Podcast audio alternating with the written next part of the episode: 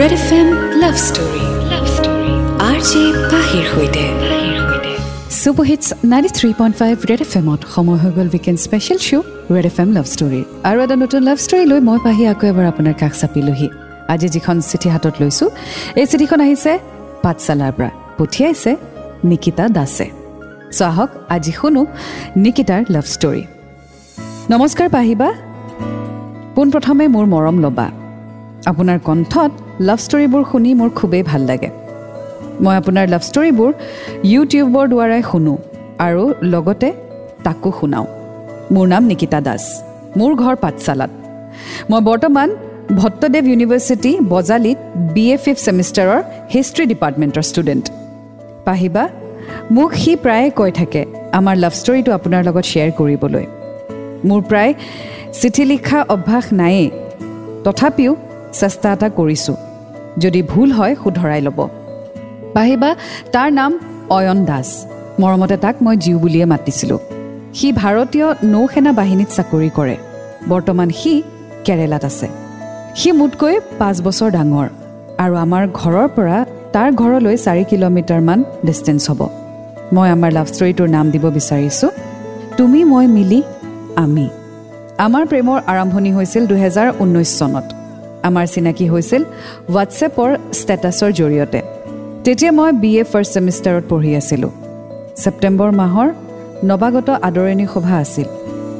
চ' কলেজৰ ডান্সৰ ৰিহাৰ্চেল কৰিবলৈ আমি ছজনীমান বান্ধৱী লগ হৈ ডান্স ৰিহাৰ্চেল কৰি আছিলোঁ। তাৰে এজনী ছোৱালী জীউৰ ঘৰৰ কাষৰে সম্বন্ধীয় ভতিজা হয়। কলেজত ডান্স ৰিহাৰ্চেল চলি থকা মাজতে আমি গোটেই কেইজনীয়ে লগ হৈ একপি ফটো তুলিছিলোঁ। আৰু সেই ফটোখন বান্ধৱীজনীয়ে নিজৰ হোৱাটছএপ ষ্টেটাছত দিছিলে। আৰু সেই ষ্টেটাছটোৰ পৰাই আমাৰ প্ৰেমৰ আৰম্ভণি।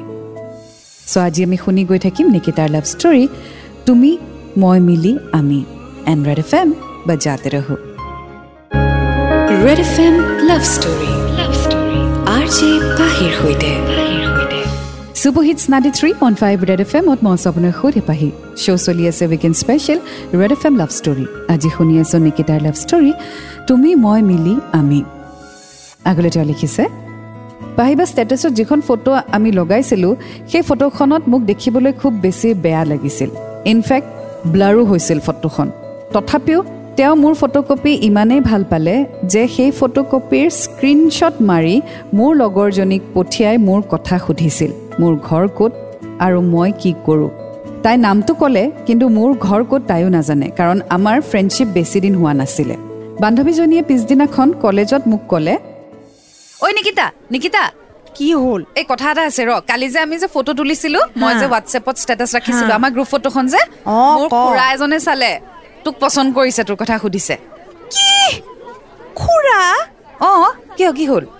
পগলা নি খুৰা মানে কিমান বুঢ়া হ'ব? নহয় নহয় নহয়। নহয় খুৰা মানে মোৰ সম্বন্ধীয় খুৰা পঁচিছ বছৰমান হৈছে নেভিত কাম কৰে। তাকে ক তই ইন্ট্ৰডাকশ্যনটো ভালকে দে ন। মানে মোৰ ৰিলেশ্যনত খুৰা হয় কিন্তু একচুৱেলি বুলি খুৰা বুলি ক'লে মোৰ মূৰত কি আহিব দে? হ'ব দে হ'ব দে তোৰ কথা সুধিছে কনে নকওঁ ক। এ নেলাগে নেলাগে এইবোৰ নেলাগে এইবোৰ এতিয়া মই ভবা নাই। ব'ল ৰিহাৰ্চেল কৰোঁ। ঠিক আছে। তাৰপিছত সেই কথাটোৰ ওপৰত একো নকৈ মই গুচি আহিলোঁ। সেইদিনা কলেজৰ পৰা ঘৰ অহাৰ পিছত মই কথাটো মাক ক'লোঁ কাৰণ মা মোৰ বেষ্ট ফ্ৰেণ্ড তেওঁক মই সকলো কথা ক'লোঁ। মায়ে সুধিলে মোক তাৰ কথা। মই যিখিনি জানো সেইখিনি মাক ক'লোঁ। গধূলি সময়ত মোক বান্ধৱীজনীয়ে মোক মেছেজ কৰোঁতে মই তাইক জীউৰ একপি ফটো খুজিলোঁ। যিজন ল'ৰাই মোক ভাল লাগে বুলি ক'লে সেই ল'ৰাজনকতো মই দেখাও নাই গতিকে মই ফটো একপি বিচাৰিলোঁ। তাইও ফটো এখন মোলৈ পঠিয়ালে আৰু সেই ফটোখন মই মাক দেখুৱালোঁ। মোৰ এটাই কথা পাহিবা যদি ঘৰৰ পৰা পচন্দ কৰে তেতিয়াহে মই আগবাঢ়িম সম্পৰ্কত। তাৰ ঘৰৰ কাষতেই মোৰ এজনী পেহীৰ ঘৰ। মায়ে সেই পেহীক ফোন লগাই ইয়াৰ কথাও সুধিলে। পেহীয়ে ক'লে ল'ৰাজন হেনো ভাল। আৰু লগতে কোন কোন আছে সেই কথাবোৰো মা আৰু পেহীয়ে কথা পতা মই শুনিলোঁ। চ' নিকিতাক পচন্দ কৰিলে অয়নে? অয়নে তাইৰ ফটো চাই পচন্দ কৰিলে? এতিয়া অয়নৰ কথা যেতিয়া নিকিতাৰ ফ্ৰেণ্ডে শ্বেয়াৰ কৰিলে নিকিতাই মাৰ লগত নিজৰ মাকৰ লগত কথাখিনি শ্বেয়াৰ কৰিলে। আৰু একচুৱেলি যদি মাৰ লগত আপোনাৰ relationship is more like a best friend or friend তেতিয়াহ'লে চব কথা শ্বেয়াৰ কৰিলে বহুত কথা শিকাও যায় বুজাও যায় আৰু মাহঁতে শুধৰায়ো দিয়ে। চ' ইফ নট এনি one share it with your parents আগুৱাই গৈ থাকিম আজি ষ্টৰীৰ সৈতে এণ্ড্ৰইড এফ এম বজাতে ৰহো। Red F M love story love story R J পাহিৰ সৈতে। Super hits ninety three point five red F এমত মই চাবনে সৈতে পাহি শ্ব' চলি আছে weekend special red F M love story আজি শুনি আছোঁ নিকিতাৰ লাভ ষ্টৰী তুমি মই মিলি আমি আগলৈ তেওঁ লিখিছে সেইদিনা আছিল চৈধ্য ছেপ্টেম্বৰ সি মোক ৰাতি হোৱাটছএপত এটা মেছেজ দিলে আৰু নিজৰ পৰিচয়টো দাঙি ধৰিলে মই তেতিয়া তেওঁক এইটোৱে ক'লোঁ যে মই মোৰ ফোন নম্বৰ মোৰ লগৰজনীক দিবলৈ দিয়া নাছিলোঁ কিন্তু তাই নম্বৰটো কিয় শ্বেয়াৰ কৰিলে অলপ সময় আমি কথা পাতিলোঁ তাৰপিছত কিন্তু মই ভয়তে হোৱাটছএপটোৱে আনইনষ্টল কৰি দিলোঁ। পিছত বহুত ভাবি চিন্তি সোতৰ ছেপ্টেম্বৰৰ দিনা আকৌ ইনষ্টল কৰিলোঁ। তাৰপিছতেই তেওঁ মোক আকৌ মেছেজ কৰি সুধিলে যে মই হোৱাটছএপটো কিয় নাইকিয়া কৰি দিছিলোঁ। ময়ো এনেই বুলিয়ে ক'লোঁ কিবা এটা প্ৰব্লেমৰ কাৰণে বাহানা এটা মাৰিলোঁ। আৰু এনেদৰে আমি আকৌ এছ এম এছত কথা পতা হ'লোঁ। লাহে লাহে আমাৰ কথা বতৰাও বাঢ়ি গৈ থাকিলে। যিমানে কথা বতৰা বাঢ়ি গৈ থাকিল সিমানেই মোৰ তাক ভাল লাগিব ধৰিলে। এনেকৈ এছ এম এছ কৰিয়ে আমি ভাল ফ্ৰেণ্ড হৈ পৰিলোঁ। কিছুমান কথা শ্বেয়াৰ কৰিবলৈ ল'লোঁ। গুড মৰ্ণিঙৰ পৰা ৰাতি গুড নাইটলৈকে আমাৰ কথা বতৰা চলে। এদিন সি হঠাতে মোক ভিডিঅ' কল কৰিলে। তাৰ ভিডিঅ' কল দেখি মই অকণমান আচৰিতে হ'লোঁ। কথা বতৰা নাই ডিৰেক্টলি ভিডিঅ' কল কৰেনে মানুহে? তথাপিও লাজে ভয়ে মই ফোনটো ৰিচিভ কৰিলোঁ আৰু কথা পাতিলোঁ। সেইদিনাখনৰ পৰা সদায় আমি ভিডিঅ' কলতে কথা পতা আৰম্ভ কৰিলোঁ। আৰু লাহে লাহে আমাৰ কনভাৰ্চেশ্যন বাঢ়ি গৈ থাকিল। মোৰ বিশেষকৈ তাৰ ভইচটো খুব বেছি ভাল লাগিছিল পাহিবা। তাৰ ভইচটো একেবাৰে আপোনালোকৰ ৰেড এফ এম পৰিয়ালৰ সদস্য বিজয়দাৰ নিচিনা। চ' আগুৱাই গৈ থাকিম আজি ষ্টৰীৰ সৈতে এণ্ড ৰেড এফ এম বজাতে ৰহো। Red F M love story R J পাহিৰ সৈতে। শ্ব' চলি আছে weekend special red F M love story মই আছোঁ আপোনাৰ সৈতে পাহি। আৰু বৰ্তমান চলি আছে নিকিতাৰ লাভ ষ্টৰী তুমি মই মিলি আমি।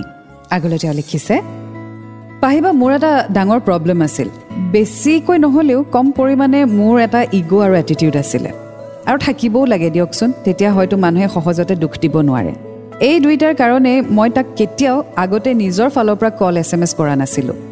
সি সদায়ে মোক তাৰ ব্যস্ততা ভৰা জীৱনৰ পৰা সময় উলিয়াই কল মেছেজ কৰিছিল।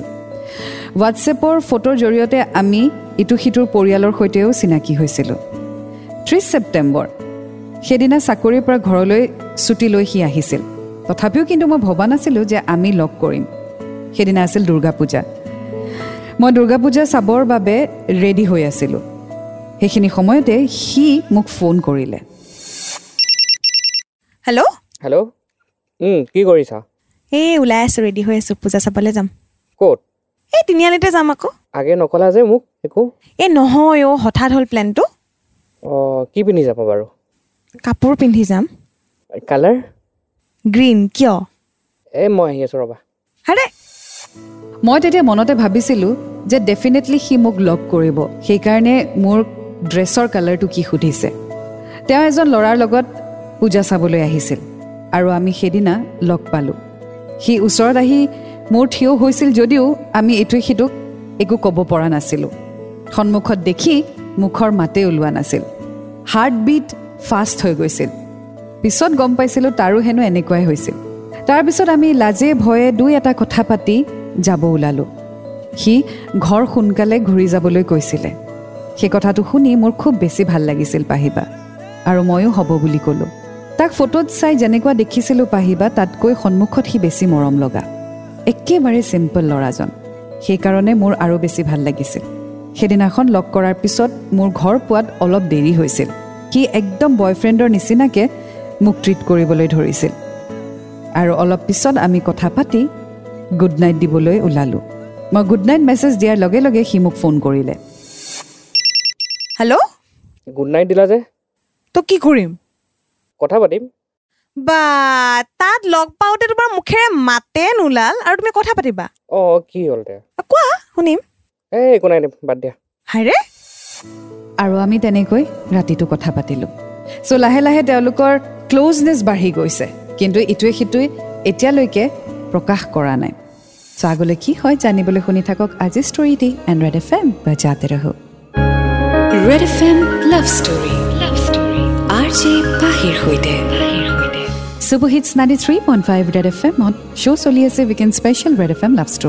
আজি শুনি আছোঁ নিকিতা দাসৰ লাভ ষ্টৰী তুমি মই মিলি আমি। আগলৈ তেওঁ লিখিছে লক্ষী পূজাৰ প্ৰথম দিনা পূজা চাব গ'লোঁ। সিও আহিলে। তাক মাৰ লগত চিনাকি কৰাই দিলোঁ। পাহিবা আমাৰ জীৱনত আটাইতকৈ ভাল লগা মমেণ্টটোৱে আছিলে লক্ষী পূজাৰ দিনা। এদিন মা আৰু মই সূৰ্য থিয়েটাৰ চাবলৈ গৈছিলোঁ। সি মোক কল কৰিলে। অ কোৱা? কি কৰি আছা? এই থিয়েটাৰ চাব যাম। ৰেডি হৈ আছো মাৰ লগতে যাম কি থিয়েটাৰ? ক'ত থিয়েটাৰ? এই সূৰ্য থিয়েটাৰ আকৌ। এইখন থিয়েটাৰ? নাটক? এই সেইটো নাজানো আৰু। মায়ে টিকেট কাটিছে মায়ে জানে মই নাজানো। অঁ ভালেইচোন কি ভালেচোন? তুমি কি কৰিছা? নাই ময়ো ভাবিছোঁ নাটক এখন চাম বুলি। কি চাবা? তুমি জানি কি কৰিবা? নিজৰটোৱে নাজানা। এই কি ফটোৱা তুমি? মই আৰু মা থিয়েটাৰ চাবলৈ গ'লোঁ। আমি নিজৰ নিজৰ ছিটত বহি ল'লোঁ। আমি বহা ছিটৰ কাষত চাৰিখন চকী খালী আছিল। তেতিয়া মায়ে মোক ধেমালিতে কৈছিলে যে জীউহঁত ইয়াতে আহি বহে কিজানিবা ময়ো কথাটো ইমান গুৰুত্ব নিদিলোঁ। অলপ পিছতে দেখিলোঁ জীউ আৰু লগত তিনিজন ল'ৰা আহি তাত বহিল। ময়ো চক মাও চক আৰু জীউ নিজেও আচৰিত হৈছিল। আৰু কি জানে পাহিবা? মোৰ আৰু তাৰ টি শ্বাৰ্টৰ কালাৰটো একদম মিলি গৈছিল। কিমান যে লাজ ভয় লাগিছিল দুইজনৰে। ভিতৰি ভিতৰি কিন্তু দুইজনৰে বহুত ভালো লাগিছিল। সি তেতিয়া মোক কৈছিল কোৱা। দেখিছা ভগৱানেও আমাক একেলগে থকাটো বিচাৰে। এই ৰাম এই থিয়েটাৰ চোৱা তুমি থিয়েটাৰ চোৱা। এনেকুৱা বহুতো সৰু সৰু মমেণ্ট আছে পাহিবা যিবিলাক খুব ভাল লাগে। Well actually we have to cherish every moment এটা ৰিলেশ্যনশ্বিপত এনেকুৱা সৰু সৰু বহুত মমেণ্টছ আহে যিবোৰ মমেণ্টে পিছত আমাৰ মনটোক খুব ভাল লগায়। কিন্তু সেইবোৰ আকৌ আমি নিজেই ক্ৰিয়েট কৰিব লাগিব। চ' নিজৰ relationship be it long distance be it আপুনি একেখন জেগাতে আছে মমেণ্টছবোৰ ক্ৰিয়েট কৰক। পিছত চাবচোন সেই মমেণ্টছবোৰৰ কথাবোৰ পাতি বা মমেণ্টছবোৰ ৰেমিনেঞ্চ কৰি খুব বেছি ভাল লাগে। So' don't waste any moment with your loved ones Red F M বাজাতে ৰহো। Red F M love story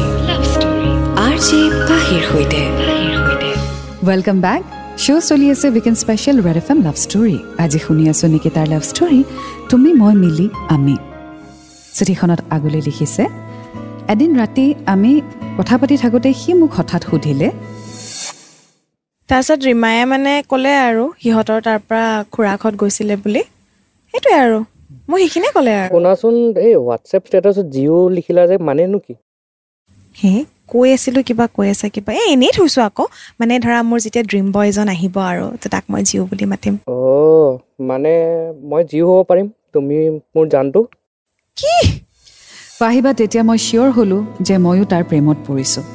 আৰু সি মোৰ প্ৰেমত। আমি বাছ এক্সপ্ৰেছহে কৰা নাই। এনেকৈয়ে লগ ধৰাৰ কথা বতৰা পতাৰ মাজত আমাৰ ৰিলেশ্যনশ্বিপ চলি থাকিল। কিন্তু ৰিলেশ্যনশ্বিপক আমি নামহে দিয়া নাছিলোঁ। এদিন ৰাতিপুৱা সি মোক কল কৰিলে। অঁ কোৱা? কি কৰি আছা? এই ৰেডি হৈ আছোঁ ক্লাছ অকণমান দেৰিকৈ আছে।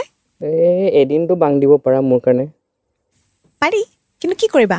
চিনেমা চাম? এ মই তোমাৰ লগত অকলে নাযাওঁ হলত। তে কাৰ লগত চাবা? কাৰ মানে কাৰ কোনোবা এজনক লৈ যাওঁ ন মোৰ ফ্ৰেণ্ড এজনীক লৈ যাম। পাৰা তেন্তে মোৰ লগৰ এজনো লৈ আহোঁ। এই মাক লৈ যাওঁ নেকি?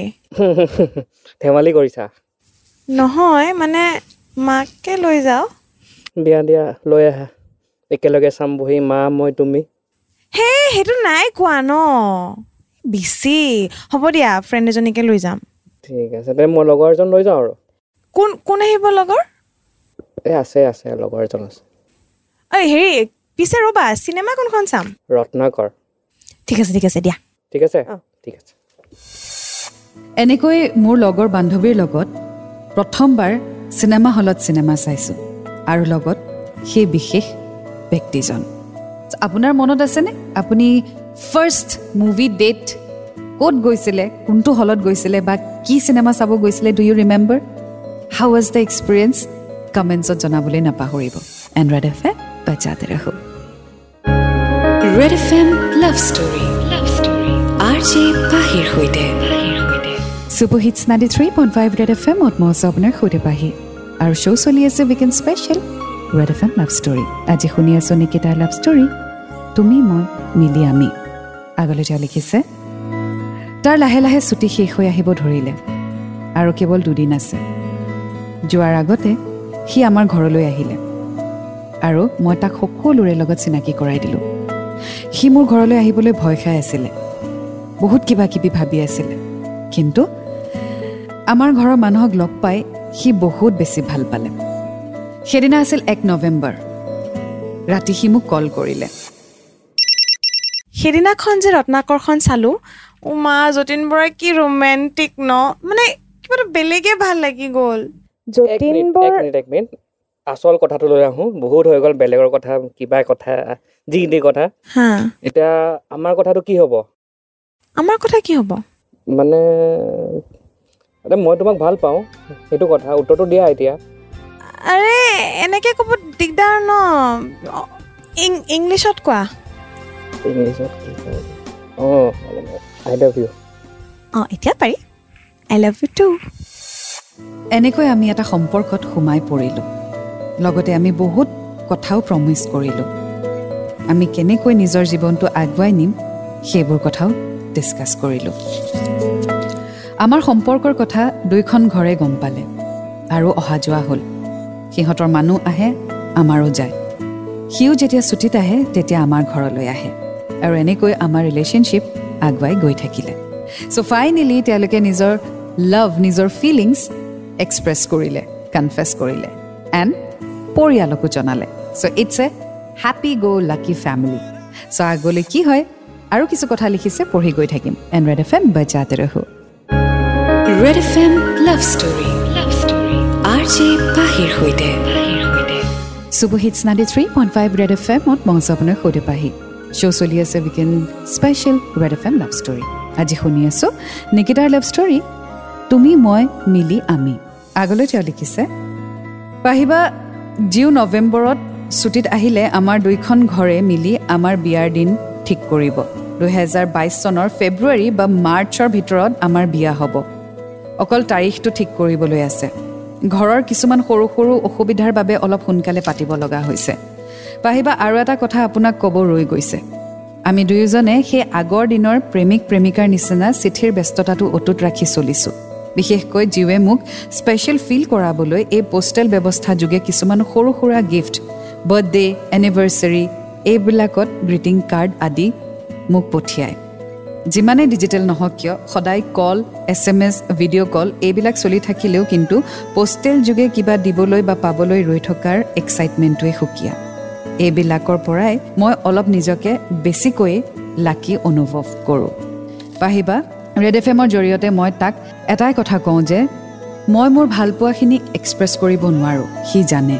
সেইকাৰণে চিঠিখনৰ দ্বাৰাই আৰু এবাৰ কওঁ মই তোমাক বহুত ভাল পাওঁ জীও মই তোমাৰ লগত গোটেই জীৱন সুখে দুখে থাকিম। I really love you you are my life পাহিবা শেষত আপোনালৈ মোৰ আৰু জিউৰ ফালৰ পৰা অশেষ ধন্যবাদ যাতে আমাৰ লাভ ষ্টৰী শ্বেয়াৰ কৰে। আপোনাৰ মধুৰ কণ্ঠত আমি আমাৰ লাভ ষ্টৰীটো শুনিবলৈ অতি উৎসাহেৰে বাট চাই ৰ'ম। ইতি আপোনাৰ ভণ্টি Nikita Das. Thank you so' much Nikita তুমি তোমাৰ ষ্টৰী শ্বেয়াৰ কৰিলা আৰু প্ৰথমতে কৈয়ে দিছোঁ যে তোমাৰ পাৰ্টনাৰৰ নাম আমি চেঞ্জ কৰি দিছোঁ। আৰু তোমাৰ বিয়া ইতিমধ্যে হ'লনে নাই সেইটো মই গম নাপাওঁ। বাট যদি হৈ গ'ল তেতিয়াহ'লে কংগ্ৰেচুলেশ্যনছ আৰু যদি হোৱা নাই তাৰ বাবে all the best and thank you so' much for sharing your story so' এয়া আছিলে আজি নিকিতাৰ ষ্টৰী তুমি মই মিলি আমি। এটা নতুন ষ্টৰীৰ সৈতে আকৌ লগ পাম। Until then, do fall in love. It's a great feeling. You will get to learn a lot. And always remember, I love you and Red F M बजाते रहो